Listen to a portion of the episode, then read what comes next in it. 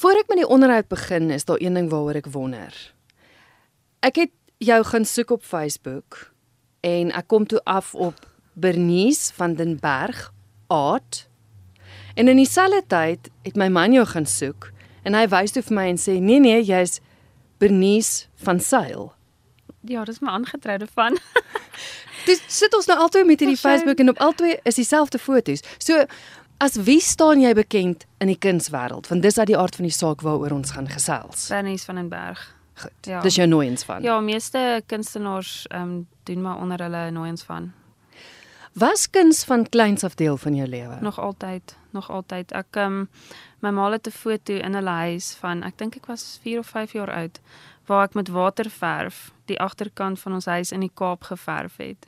En sy het 'n foto geneem en sy het nou nog daai klein paintingkie op die A4 bladsytjie met daai daai kinderharde waterverf kits wat jy koop by Pick n Pay. Ja ja. met daai. So ek het nog nog altyd dit gedoen. Ek ek kan nie dink aan 'n 'n tyd wat ek nog nie kuns gedoen het nie. Dit was nog altyd vir my 'n constant in my lewe gewees. Maar nou is daar 'n vermenging want jy het net so ver gevorder met musiek. Ja. Op watter ouderdom het jy met musiek ek begin? het ehm um, begin viool speel toe ek 7 jaar oud was. Ehm um, maar voor dit het my ma altyd vir my en my sussie laat klavier neem en blokfluit. Ons het dit nie baie geniet nie want jy word al forceer soos dogtertjies met ballet doen. So my ma het vir ons laat blokfluit en klavierlesse neem. En toe ons nou ouer is op skool, toe besluit ons nou, okay, ons wil elkeen ons eie ding doen en ek het viool gekies as my instrument om te begin. En ver gevorder. Ja, reg deur my skoolloopbaan, um, ek het al die Royal School eksamens gedoen. My viooljuffrou of um, instrukteur Valerie Halls, sy is nou by um um Girls High. Mhm. Mm. Sy is nou by Girls High die musiek hoof van musiek daar. So sy is nog steeds hier in Pretoria. Tog het jy kuns op skool gehad. Ja, ek het kuns en musiek gehad op skool. Reg deur skool um van graad 10, 11 en 12 wat jy mos nou jou eie spesialiteitsvakke kies, is dat dit gehad saam met biologie en um chemie. Ja, ek dink ek het ja, ek het biologie gehad, ek het chemie en aardrykskunde gehad. Saam met dit. Die Was- kuns en musiek. Was was dit ooit op 'n punt in jou lewe waar jy moes besluit het tussen die twee? Nooit nie. Nooit. Ek het nooit hoefte gebesluit het wil ek nou meer viool speel of wil ek meer teken nie, want vir my is die twee so naby mekaar. Hmm. Dit is 'n uh, um as ek nou in Engels kan stel, 'n universal language. Um ek meng maar baie my tale want ek het in Engels studeer by Tikkies. So meeste van my goed is maar Engels. Wat So het jy ja, studeer? Ek het BA Fine Arts gestudeer by Tikkies. Maar hoekom die besluit om kuns? Want jy sê nou jy hoef nie noodwendig tussen die twee te gekies het nie, Vir maar die musiek, um ek voel as jy 'n musikant is en jy wil verder gaan in jou musiekloopbaan, is daar 'n sekere mate van um jy weet ek wil nie sê bekendheid wat jy moet verwerf nie, maar daar's 'n sekere mate van um levels wat jy ka, moet kan opgaan mm. in in die industrie vir jou om 'n suksesvolle musikant se um loopbaan te hê. Hang nou af of jy 'n sanger is en of jy nou iemand is wat 'n instrument speel, maar vir sangers is dit baie makliker want jou stem is so uniek. Elke persoon se stem is uniek, waar met 'n viool meeste viole klink dieselfde. So dit is moeiliker om 'n gesig by 'n instrument te sit as om 'n gesig by 'n stem te sit. Um en ek het maar net gevoel ek is half alreeds ver gevorder met my viool en um ek het nie regtig 'n passie gehad vir musiek skryf self nie. So um met kuns is dit vir my baie meer vryheid wat dit aanbetref. en by kuns is dit ook makliker om jou stempel af te druk, wat ek Exactly, amper dit wil is definitief. Um ek het 'n bietjie gesukkel op universiteit want selfs op skool was dit vir my nog altyd moeilik om in die boksie in te pas.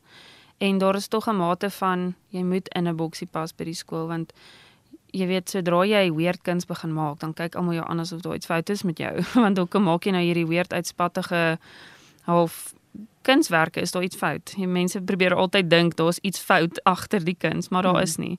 En op universiteit is dit tog ook so, want my goeters was nog altyd bietjie anders gewees as die normale kunstenaar se goed. So jy is half ook nog in 'n blik gedruk daar om sekere style te volg want ag met musiek, jy weet jy as jy begin leer om musiek te speel, speel jy ander mense se werke.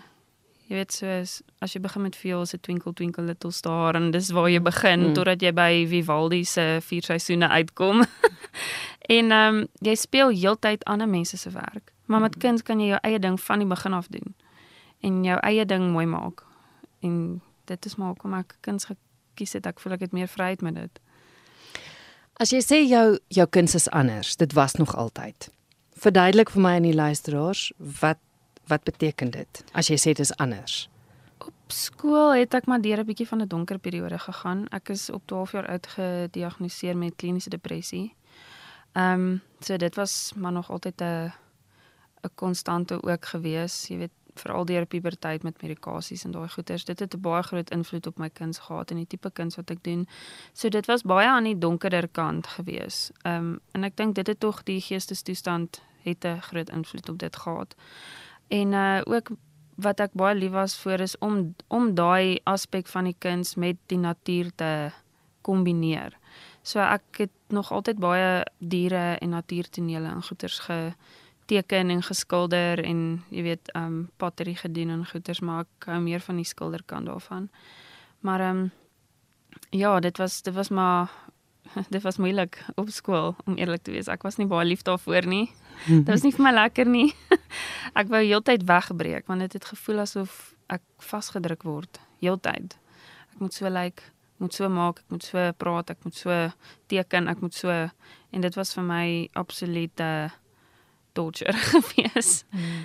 Totdat ek na skool in die universiteit kom en agterkom maar dis ook maar pretty much dieselfde. Net op 'n op 'n mindere mate. Ja. Jy weet so ehm um, Wanneer het Ja, jy dit- toe besluit om jouself te wees?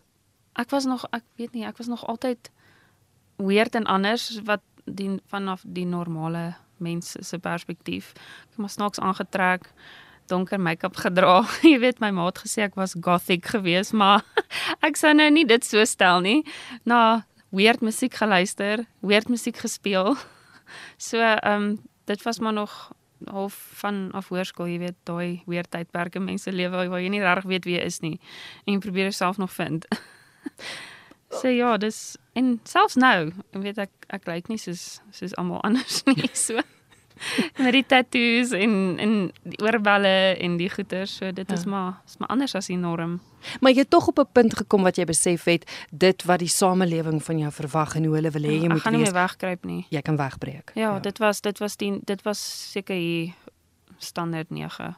Okay. Ja, graag. Wat is dit nou graad 11? Mm. Ja, dit was seker op daai punt waar ek besluit het, weet jy wat, ehm um, ek gee nie meer om nie.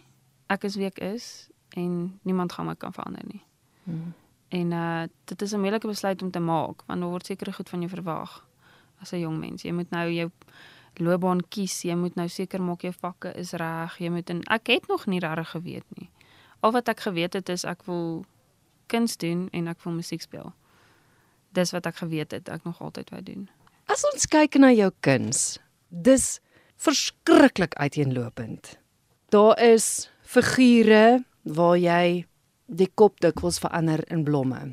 Natuurlewe soos jy gesê het. Mm. O, oh, die ongelooflikste beweging wat jy in jou werk, 'n danspaar wat wat dans waar jy hulle vasgevang het in verskillende posisies. Dis regtig so uiteenlopend. Ek dink daar selfs uh, insekte dink ek het, Ja, het ek ek het ook gesien. baie insekte. Ja. Ek is mal nogals mal oor die wat hulle in Engels noem botanical illustration Mm. en ook anatomical illustrations van ehm um, diere, insekte, jy weet die hele ehm um, hoe kan ek dit sê die liggaamstruktuur en hoe die binnekant werk van goed. Is dit omdat jy van alles hou? Is dit omdat jy alles kan doen?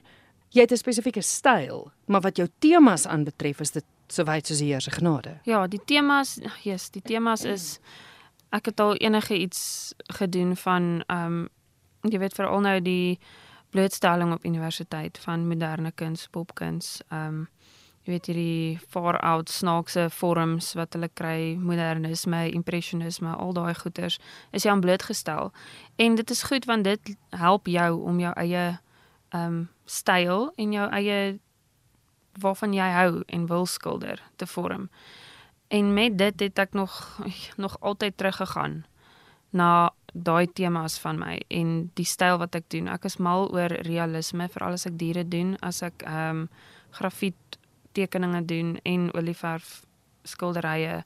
Die die detail is vir my nog altyd belangrik. Hmm. Ek het al ehm um, met paletmes olieverf skilderye gemaak en goed en dis vir my lekker. Maar dis nie dis nie my passie nie. Dis vir my nice om te doen en dis vir my mooi en ek het baie waardering vir daai tipe kuns, maar dis nie wat ek doen nie. Ek het nou gehoor jy het nou beweeg na kopbene toe. Vert- Ja. Vertel my gou daarvan. Dit is 'n ehm ek was eendag in die Pinterest rabbit hole vasgevang. en toe het ek gesien daar's iemand in Amerika wat hierdie groot ehm Longhorn Texas Longhorn cattles se skedels vat.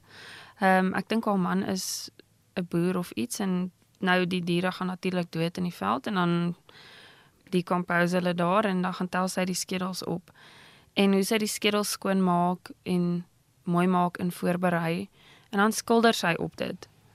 So dan gee dit daai dooie ding wat daar gelê het in die veld 'n nuwe lewe in jou huis of op 'n stoep of waar ook al jy dit wil sit. Dit is vir my die mooiste dis vir my die mooiste, hoe kan ek sê nie gesture nie, maar dit is vir my 'n mooi konsep Mm. en 'n mooi tema om ietsie wat gruisam is en wat tog met almal gebeur te omskep in iets mooi en weer dit 'n ander lewe te gee.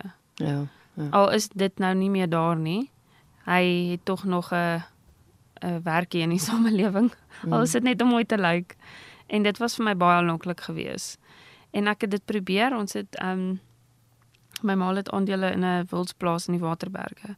En daar's wat ek 'n paar goedjies opgetel, bene en so wat ek op begin skilder het en teken en designs opgedoen het en ek het net verlief geraak op die hele idee. Ja.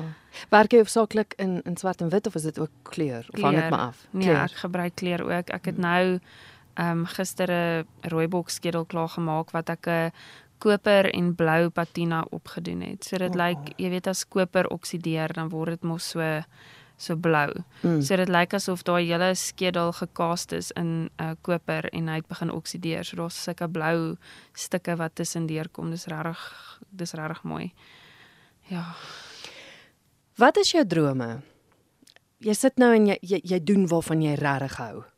Maar daar lê nog 'n lewe voor jou. Wat wil jy nog doen? Ek wil Ek wil net gelukkig wees om eerlik te wees met jou. Ek wil content wees met met wie ek is en wat ek doen.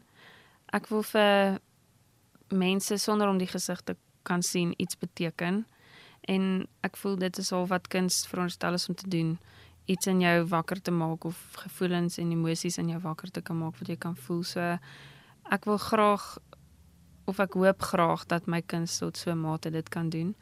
Ek het nie regtig 'n ambisie om vreeslik bekend en famous te word en baie geld te maak en jy weet daai drome wat meeste jong mense deesdae het nie. Ek ek wil net gelukkig wees. Ek wil my kinders grootmaak.